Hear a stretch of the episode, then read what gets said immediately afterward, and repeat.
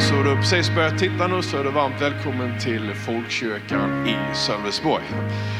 Det är fantastiskt att vi kan möta människor både här fysiskt sett och så alla er som tittar hemma nu. Det är ju så att eh, Jesus han, han, han, han, han lever ju på något sätt. Och, och det, det, viktigaste är ju på något sätt att du och jag vi får möta honom så vi känner att han finns därvid i vardagen. Och sen är det också så att när Gud han talar till oss så vill jag att Gud ska tala och det gör han ju genom evangelierna. Först och främst alltså. Många säger jag behöver ett ord från Jesus. Ja, han har sagt ganska så mycket evangelierna. Det räcker. Men sen, sen är det så att, att tittar man eh, från gamla testamentet så, så kan man tycka att, att Gud han talade till Abraham att han talade både nu och då. Men det är ganska många år mellan kapitlen. Så han, han, han, sa någonting och sen så gick det ganska lång tid och sen sa han någonting annat. Jag brukar ta det här exemplet om Noa. Va? Gud sa till Noa, bygg en ark. Så gick det hundra år så sa han, gå in i arken. Och, och, så länge Gud, han säger, jag tror på något sätt att Gud han talar till oss. Så att jag tror att du kan fortsätta att göra det du gör ibland. För om du är så att du går fel, då stiger han in och säger att nu får nog korrigera det här vid Tommy. Den helige ande sa till mig det för någon vecka sedan, för det var någon sak som jag skulle göra. Så sa den helige ande till mig så här att, att jag säger till dig om du är på väg att göra någonting dumt eller om du är på väg att göra något fel. Då går jag liksom in och talar och det har han gjort också. Så vi får lita till Gud. Alltså, nu ska vi läsa tillsammans du och jag. Vi ska fortsätta där vi slutade sist. Och säger du, ja men jag tittade inte sist, men det, det gör ingenting för du hänger med i alla fall. Det, det handlade alltså om att i Jerusalem så fanns det en damm som på hebreiska kallas Betesda. Den har fem pelargångar. Många sjuka, blinda, förlamade och andra handikappade låg i dessa pelargångar och väntade på att vattnet skulle komma i rörelse. Och en Herrens ängel steg nämligen ner och rörde om vattnet och den första som steg ner i vattnet sedan det blivit omrört blev frisk, vilken sjukdom han än hade. Och en av dem som låg där hade varit förlamad i 38 år och när Jesus såg honom så fick han veta att han varit sjuk så länge och frågade honom, vill du bli frisk? Och Herre svarade mannen, jag har ingen som hjälper mig ner i dammen när vattnet kommer i rörelse. Och vi gick ju igenom den här berättelsen förra gången, men jag vill att du ska se detta här nu, att man, man går in genom förporten i Jerusalem. Och här då fanns det två stora pooler som kallas för Betesda-polerna. Och här fanns det tak då. Och här under taken då så låg det massor med sjuka. Och hur länge de hade legat där, det vet vi inte. Och I den svenska översättningen så finns det inte vers 5 med här, utan den finns med i den engelska översättningen. Men, men i alla fall så trodde de på vad då? Jo, de väntade på att en ängel skulle stiga ner. När, när det rörde sig i den här swimmingpoolen därvid så trodde de att när det rörde sig i vattnet så var det en ängel som rörde i vattnet. Jag vill att du ska kunna se den här bilden framför dig nu. Du som tittar nu och ni som är här. Va? Alltså, du, du kommer in till Betesda-dammarna en, en, en, morgon då och så ser du att under dessa här pelarkolonnerna under taket då, så ligger det massor med sjuka. Och, och samtidigt så vet du att dessa här sjuka människorna de väntar på att någonting ska hända som aldrig kommer till att ske. Därför att du vet att när vattnet rör sig så beror det på fysiska orsaker. Det finns ingen ängel där. Och varje gång som det börjar blåsa då lite grann eller vattnet rör sig så blir det stort slagsmål. Varför det då? Jo, därför att det gällde ju att, att röra sig snabbt och kasta sig ner i vattnet. Därför att de trodde att den första som kastade sig ner skulle bli helad. Men ingen hade någonsin blivit helad. Och nu kommer då Jesus in i det här sammanhanget. Och lyssna nu på mig. Jesus vet ju att det här inte är sant. Han vet att det finns ingen, han vet att det finns ingen ängel. Han vet att det här är en felaktig teologi. Han vet att dessa här människorna tror och hoppas på någonting som inte existerar. Han vet att dessa här människorna är manipulerade, lurade. Det var säkert de som tog betalt också härvid, för pengar är alltid med i bilden när det gäller människor. Så vad händer då? Lyssna nu på mig. Jo, Jesus han fylls av, för det är det som drev Jesus. Jag ska predika med det på, på nyårsafton. Alltså temat på nyårskonferensen är med kärleken som grund. Det är det som driver Jesus. Så, så när han ser dessa här människorna, då, vad händer då? Jo, han fylls av han fylls av medlidande, eller hur? Varför det då? Därför att eh, han vet ju att här ligger dessa här människorna och de är totalt blåsta. De lider, de är sjuka, de är hungriga och, och eh, folk ser ner på dem. Därför att på den här tiden så trodde man att sjukdom berodde på att man hade syndat. Då säger Jesus att det behöver det absolut inte göra. Är du med mig? Så han, han, han blev fylld av medlidande. Så vad han gör då, det är att han, han inser att han måste göra någonting åt situationen. Så när Jesus då kommer in i den här situationen så går han fram till en enda man. Kan du se bilden nu? Här ligger de och ojar sig och svettas och det luktar både hit och dit och fram och tillbaka här. Va? Han går fram till en enda man. Men tänk nu när han går fram till den här enda mannen. Alla de andra som är sjuka, vad gör de då? De tittar naturligtvis på den här mannen. På den tiden så hade de ju inte någon, någon bakgrundsmusik eller så. Det är inte som när du ligger vid poolen att de spelar liksom Lasse Stefans i bakgrunden. Är, är du här? Det, det, var ju, det var ju tyst där vid nu då. Man hörde lite oljud i bakgrunden så här och, och kanske så. Sen var allt tyst och så, så kommer Jesus fram till dem. Alla kan höra vad han säger nu. Så säger han till den mannen, vill du bli frisk? säger han. Alltså vilken fråga egentligen. Jag ska inte gå in på det nu. Vill du bli frisk? säger han. Ja, säger han. Men du förstår Jesus att jag hinner aldrig fram då när en ängel rör vid vattnet. Och Jesus han vet ju att det här är fel. Och så säger han till att det är ingen ingen som rör vid vattnet. Du kommer aldrig till att bli frisk om du kastar dig i poolen. Men jag är vägen, jag är sanningen och livet. Om du tror att jag är Jesus så kan jag hela dig. Och på något sätt så måste den här mannen få tro då. Och så säger Jesus till honom att ta din bädd, stig upp och gå. Och lyssna nu. För ibland så har du hört att Jesus bara helade en. Det gör han ju inte. Utan alla de andra tittar ju nu här. De tittar på vattnet. Ska, någon, ska, han röra vid vattnet? Är han ängeln? Alltså ska Jesus röra vid vattnet? Han rör inte vattnet, för det är några som låg nära poolkanten då för att hoppa i så snabbt som möjligt. Han rörde inte vid vattnet.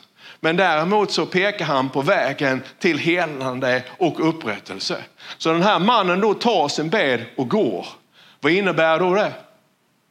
Jo, alla de andra inser ju att vägen till helande och upprättelse går inte genom att kasta sig i poolen, utan vägen till helande och upprättelse måste gå genom att följa den här mannen.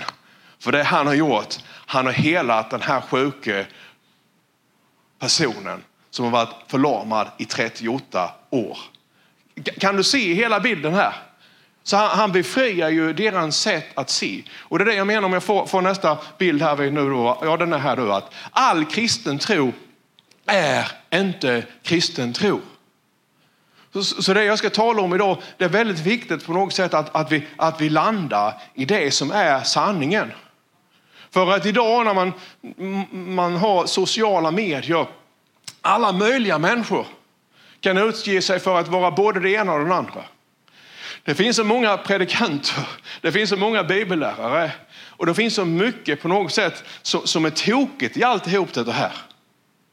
Och det är klart att när jag, när jag predikar för dig idag, så jag tror alltid på något sätt att jag, jag har på något sätt att jag har rätt. Det trodde jag för 30 år sedan också. Och idag så inser jag 30 år senare att allt som jag sa för 30 år sedan var inte rätt.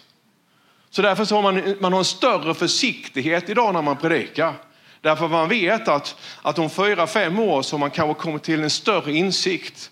Och då inser man att ja, alltså inriktningen är ju ofta rätt. Men, men det som har hänt då genom åren, lyssna nu på mig, det är att det har inte blivit mer invecklat. Sanningen är inte invecklad. Det är inte så att, att, att dessa här åren, 30 åren har gjort att jag har blivit fylld med teologiska djupheter. Utan snarare är det tvärtom. Efterhand som åren har gått så har man insett att det var det krångliga, det var det invecklade, det snärjiga, det var det som var fel. Och det som var rätt, det var den enkla sanningen att Jesus, halleluja, han är vägen, han är sanningen och han är livet. Du behöver bara tro på en enda sak, egentligen. Teologin är inte svårare än så. Jesus är vägen, Jesus är sanningen Och Jesus han är livet, eller hur? Ingen kan komma till Fadern utan genom Jesus. Och vad han säger här, Jesus, han säger så här va, att det du tror på är inte sant. Det är inte sunt, säger till mannen och alla de som är här. Men mirakel finns, tro på mig, därför att jag är livet. Och, och det är det jag menar, va? att vi behöver, du behöver aldrig vara rädd för Jesus. Man ska vara försiktig med kyrkor. Man ska vara försiktig med kristna, man ska vara försiktig med människor. Och ju mer en kristen människa krånglar till det, desto mer försiktig ska du vara. Därför att vägen att leva tillsammans med Jesus, den är väldigt enkel. Det handlar bara om Jesus.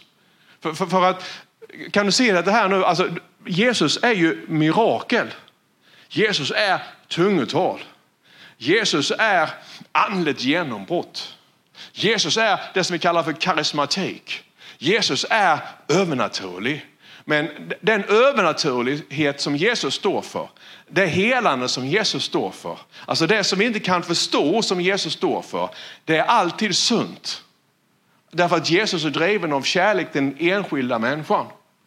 Och därför, det är samma sak med profetia. Så va? Profetior som skadar kommer inte från Gud.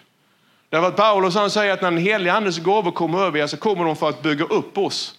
Så, så att när vi profeterar och när Jesus kommer så är det alltid, alltså han kommer alltid med kärleken som grund. Och därför så behöver vi aldrig vara rädda för Jesus. Det brukar jag säga ibland när jag diskuterar med människor. Så att säga, ja, kristen tro och kyrkor, det är en sak. Men Jesus, det är en helt annan. För när det är Jesus och det bara är Jesus och när Jesus får komma avskalad. För det vi många gånger gör då, det är att vi tar Jesus och börjar vi bygga på och sätta på Jesus en massa saker som inte är Jesus. Utan, men Jesus behöver inte din och min hjälp. Utan Jesus han behöver få komma, han behöver få komma avskalad, liksom naken i sin Jesushet. För där finns kraften, där, där, där finns hjälpen, där finns möjligheterna. Det handlar om Jesus. Kan du säga Jesus nu hemma i soffan? Ja, och du, du ser ju här, Galaterbrevet kapitel 3, alltså, säger Paulus här, ni dåraktiga galater, vem har förhäxat er? Ni som har fått Jesus Kristus framställd för era ögon som korsfäst. Och jag menar det var att all kristen tro är inte kristen tro. Redan här vid för 2000 år sedan, det, här var i, i eh, östra Turkiet, här var ju väckelse. Det var en jättestor församling här vid och massor med församlingar som Paulus hade planterat. Och de trodde ju på Gud. De trodde på Jesus. Men en, trots det så hade de börjat på något sätt glida ifrån. De hade börjat klä på Jesus saker och ting som inte var Jesus. De hade börjat göra Jesus till ting som inte Jesus var. Och, och därför så säger han att, att, att liksom, ni har ju fått Jesus Kristus framställd för era ögon som korsfäst. Och, och det är det som är det enda du och jag behöver egentligen i våra liv. Vi behöver se Jesus. För när vi har sett Jesus och när vi, när vi på något sätt kan, kan se den korsfäste Jesus, då, då är det dragningskraften som gör att våra liv hamnar rätt.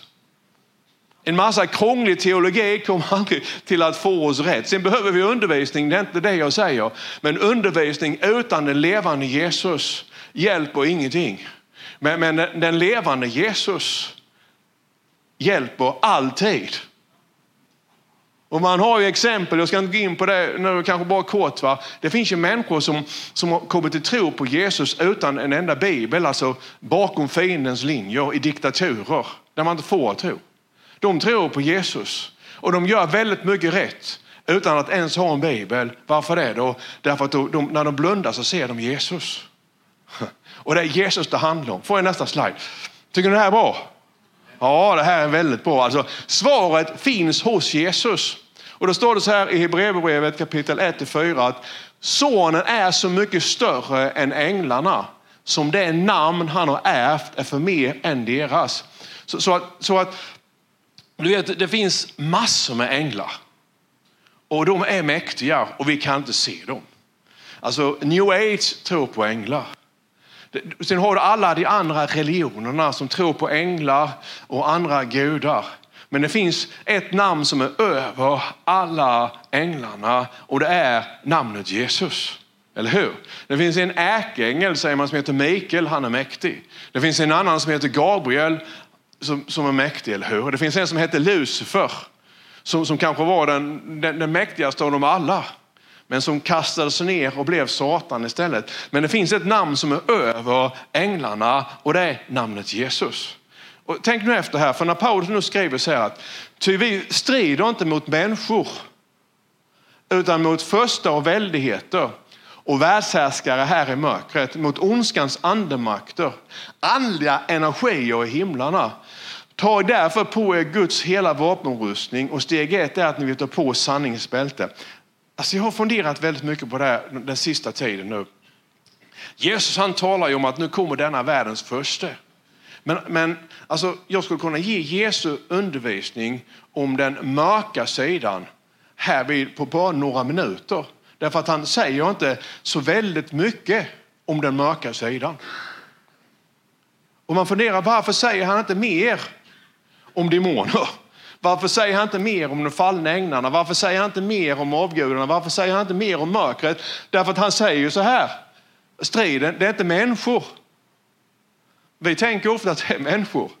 Men vad Paulus han säger att det är inte människorna i sig själva utan det är krafterna bakom människorna. Men varför, kom igen nu, varför berättar då inte Bibeln mer om människorna eller om krafterna bakom människorna? Om det nu inte är människorna det handlar om, varför säger inte Bibeln mer? Varför säger inte Jesus mer? Varför säger inte, varför säger inte Paulus mer? Jag ska försöka förklara det. Kan jag få dig göra det? Slå till din granne så nu ska Tommy försöka förklara. Ja. Tänk, tänk så här, att du skulle börja spela tennis. Kan du säga det? Jag skulle, jag skulle börja spela tennis. Kom igen nu, ni som Ja. Och, och, då är det så här va, att den kanske bästa tennisspelaren som finns just nu, han heter Djokovic. Och, och i, i natt här nu så kan han bli legendarisk. Kanske då. Han, han, har, han har dominerat världsscenen under många, många, många, många år. Så om jag skulle lära mig spela tennis och jag skulle vilja slå alla andra då, då behöver jag egentligen bara fokusera på en enda person.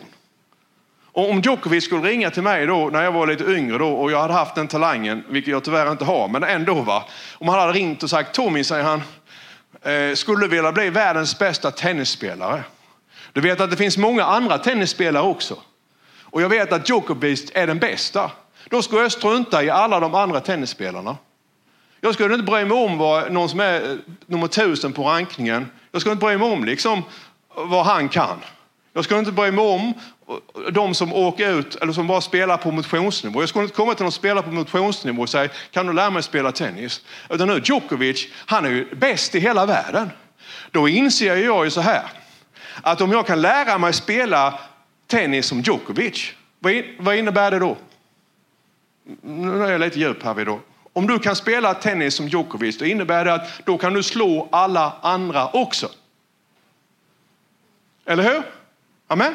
Om du spelar tennis som Djokovic, då blir du också världsbäst. Ja, och det är samma sak här. Det är därför som, som, som, som när, när, Jesus då säger några saker om denna världens första, eller när Paulus han säger att striden står inte mot människor utan mot andevärldens första och väldigheter. Så, så när de då ska lära oss hur vi ska leva i seger över andevärldens första väldigheter så talar de inte om dessa här ynkliga makterna som egentligen är ganska farliga. Utan de säger att det bästa sättet att lära er spela tennis som Djokovic. De talar bara om Jesus. Därför att vägen att övervinna alltihop det här, det är att, att vi får Jesus korsfäst framställd för våra ögon. Desto mer du vet om Jesus, desto mer du kan om Jesus, desto mer du talar som Jesus, desto mer du tänker som Jesus, desto mer du lever som Jesus, desto mer du ber som Jesus, desto mer du är som Jesus, desto större seger kommer du då till att ha. Eller hur? Ja, hon får jag nästa slide här så ska jag bevisa det. Det är därför som Paulus han säger så här, va? jag vill lära känna Jesus. Han säger inte en endastans i, i, i Nya Testamentet att jag vill lära, veta, jag vill lära mig mer om, om, om fienden. Det är ingen som säger det. Och Jesus säger inte det är väldigt viktigt att ni känner er fiende. Utan Jesus säger det är väldigt viktigt att ni känner mig. Amen. Och så säger han också, jag vill lära känna Kristus och kraften ifrån hans uppståndelse. Varför det då? Jo, för att det är vägen. Som styr upp allting i din, ditt och mitt liv. Det är ju där det ligger. va? Och så säger han så här i Efesierbrevet kapitel 1, 21-22 att när han uppväckte honom ifrån de döda och satte honom på sin högra sida i himlen. Över, kan du säga över? Hem också, jag ser dig. Säg över. Över alla första och väldigheter, makter och herradömen, ja över alla namn som kan nämnas, inte bara i denna tidsålder utan också, alltså det finns ganska så många namn som är mäktiga. Har du tänkt på det? Jag läste här vid, eller var tv-program, en dokumentär om, om Vladimir Putin. Han är ju mäktig, eller hur? Du har Kinas ledare, jag vet inte vad han heter nu, det är lite svårt, men han är, det, det finns mycket det finns mäktiga människor. Det, det, det, finns namn som är, är mäktiga, men det finns ett namn, står det då, som är över alla andra namn. Så Putin, han är ganska så, så han är farlig alltså. Presidenten i USA har, har nycklarna till kärnvapnen. Han är farlig, men det finns ett namn som är över alla andra namn. Det finns ett, ett namn som är över namnet Lucifer. Det finns ett namn som är över ditt, ditt problem som du har just nu har ett namn. Men det finns ett namn som är över ditt problem. Det finns ett namn som är, som är över det som du brottas med just nu. Det är det som kommer mot dig. Regel så har allting som möter oss ett namn. Men det finns ett namn som är över alla andra namn. Och det är namnet Jesus. Så, så det är därför som Paulus han säger, jag, jag vill känna kraften ifrån hans uppståndelse. För jag vet att, att när jag lever i namnet Jesus, då kan jag på något sätt ta mig igenom allt det som möter mig. Det kan vara en process, det är inte säkert det händer just nu. Men namnet Jesus är ju över alla andra namn. Så därför när du och jag vill ha problem då så säger vi till problemen, jag kommer emot problemen. I vilket namn då? Jo, i namnet Jesus. och varför kommer vi emot problemen i namnet Jesus? Därför att namnet Jesus är över alla andra namn. Och saker och ting kan bekämpa oss, saker och ting kan vara emot oss. Men om vi håller oss till Jesus och gör allt vi kan för att bli lika Jesus så kommer det namnet i oss förr eller senare att hjälpa oss igenom vad det än som möter oss. Vi tar oss över berget, eller hur? Ja, det var ju väldigt vad ni är entusiastiska här idag. Men det här, det här är ju på något sätt hemligheten bakom allt. De dödade Jesus för 2000 år sedan och han triumferade i alla fall. De som var runt omkring korset, ingen vet vad de heter, vilka de var. Mm. Och hade det inte varit för att vi hade en bibel så hade vi inte visst vilka överprästerna var heller. Men alla vet vilken Jesus är.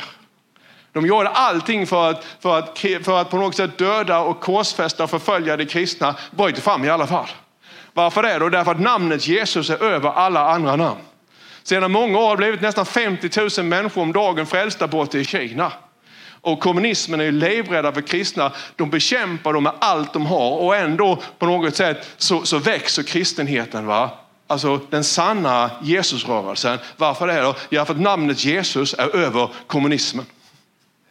Namnet Jesus är större än Mao Zedong. Namnet Jesus är det största, det mäktigaste namnet som finns, har funnits och kommer till att finnas. Och det fantastiska är att denna Jesus då, som är så fantastiskt stor och mäktig, han är samtidigt också den ödmjukaste personen som någonsin har levt och som finns. Därför att i ödmjukhet så blev han en människa. Vi ska läsa det nu. Titta nu här. Får jag nästa. Så står det här va. Att Fastän han till sin natur var Gud så avstod han från allt. Eller hur? Han antog en tjänares gestalt och till det yttre så blev han människa. Han gjorde sig ödmjuk och lydde ända in i döden, döden på ett kors. Och därför så har Gud också upphöjt honom över allting och gett honom namnet över alla namn. För att i Jesu namn alla knän ska böjas i himlen och på jorden och under jorden och alla tungor bekänna att Jesus Kristus är Herren, Gud Fadern till ära. Alltså alla i himlen, titta på mig, alla tittar på mig. All, allt i himlen, allting på jorden och allting under jorden. Förr eller senare så kommer allting till att få böja knä. Förr eller senare så kommer allting till att bekänna Vadå? Att Jesus är Herren. att Jesus äger all makt i himmelen och på jorden. Så därför så, så när vi ber då så ber vi ju i namnet Jesus. I namnet Jesus. I namnet Jesus. I namnet Jesus, eller hur? Och, och när han kommer då Jesus, i och med att han, han, han ödmjukade sig för att bli som en människa då i en människas kropp. Så Jesus till sitt väsen, han kan både sitta på tronen och ha all makt, ha total dominans i universum, både det vi kan se och inte se. Samtidigt så kan han också höra din bön. Han ser dig när du gråter, han ser dig när du är trött, han ser dig när du behöver honom som allra mest. Och, och, och, det är ju det som är liksom den avskalade Jesus. Det är Jesus det handlar om och det handlar bara om Jesus. Kan du säga Jesus nu? Ja, det är därför man säger Jesus. Då, va? Vad betyder då namnet Jesus? Här kommer sista sliden då. Mm. Då står det, då är det här, namnet över alla andra namn, Jesus, betyder Herren rädda. Jesus betyder Herren frälser. Så sen när du säger i Jesu namn så säger du Herren rädda. Förstår du mig? Så när, vi säger, när vi åkallar Jesus, åkallar namnet Jesus, då åkallar vi Herren rädda. Herren rädda. Jag har ett problem nu. Jag, jag, jag, går till Jesus, jag går till Herren rädda. Jag är sjuk nu, jag behöver, jag behöver ett helande. Jag går till Herren rädda. Ja, nu, nu är jag väldigt låg här. Jag mår faktiskt inte bra. Jag går till Jesus, jag går till Herren rädda. Vår församling behöver kraft nu. Jag går till Herren rädda.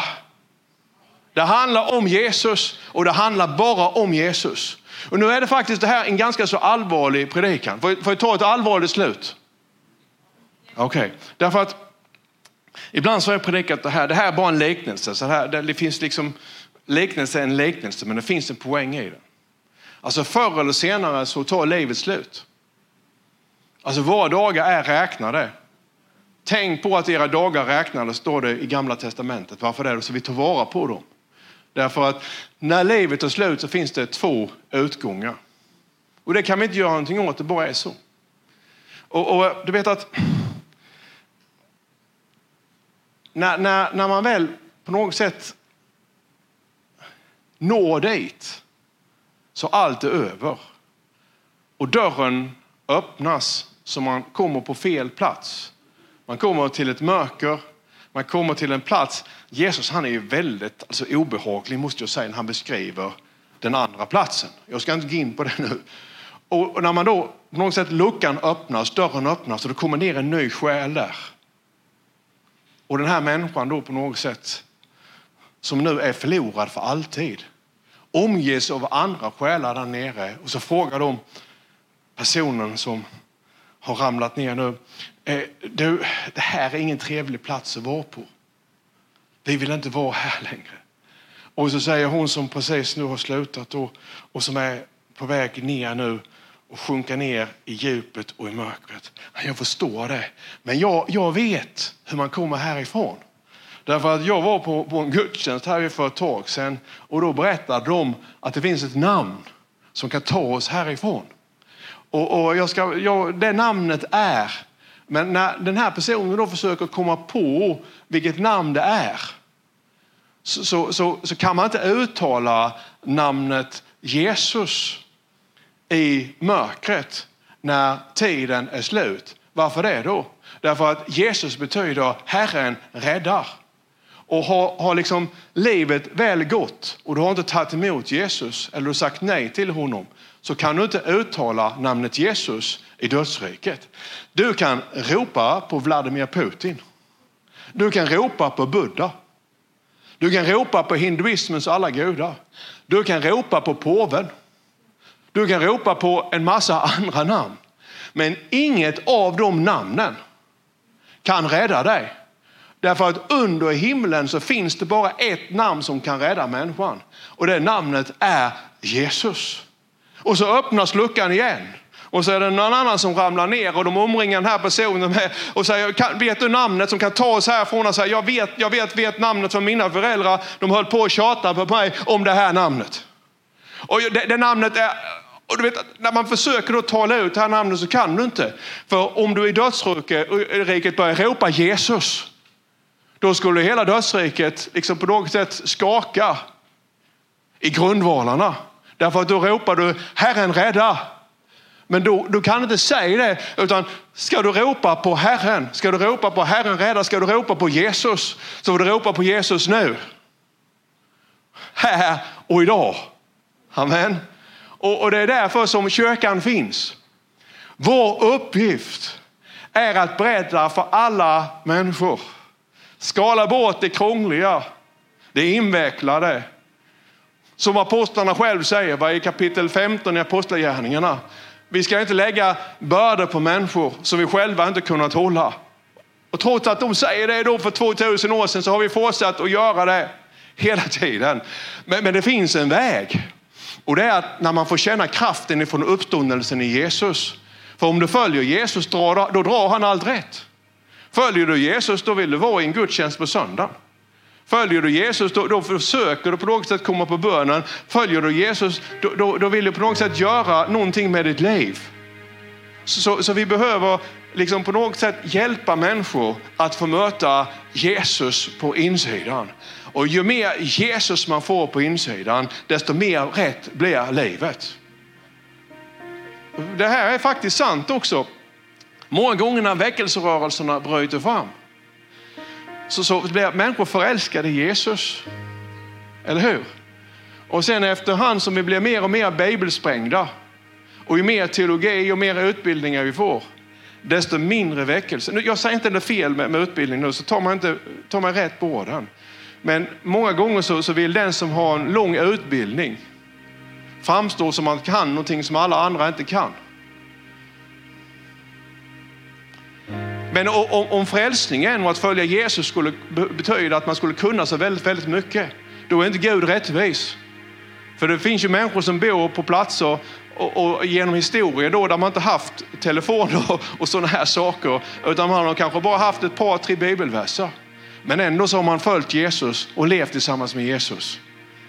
Så, så det ligger liksom inte i teologin på det sättet. Teologin måste vara rätt, missförstå mig inte. Men det handlar om att det, det är Jesus som vi vill ha.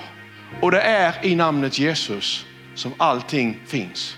Och därför, så när vi är här idag och för fortsättningen för vår församling, det är på något sätt, vi måste predika för hela Sverige idag, för hela västvärlden som har drabbats av pandemin.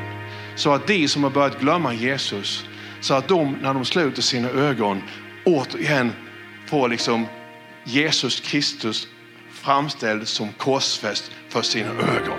För när man får möta den korsfäste Kristus, då på något sätt så är man tillbaka på banan igen. Och det fantastiska är att han är inte här för att lägga skuld eller dom på någon, utan han kommer alltid med medlidande. Halleluja.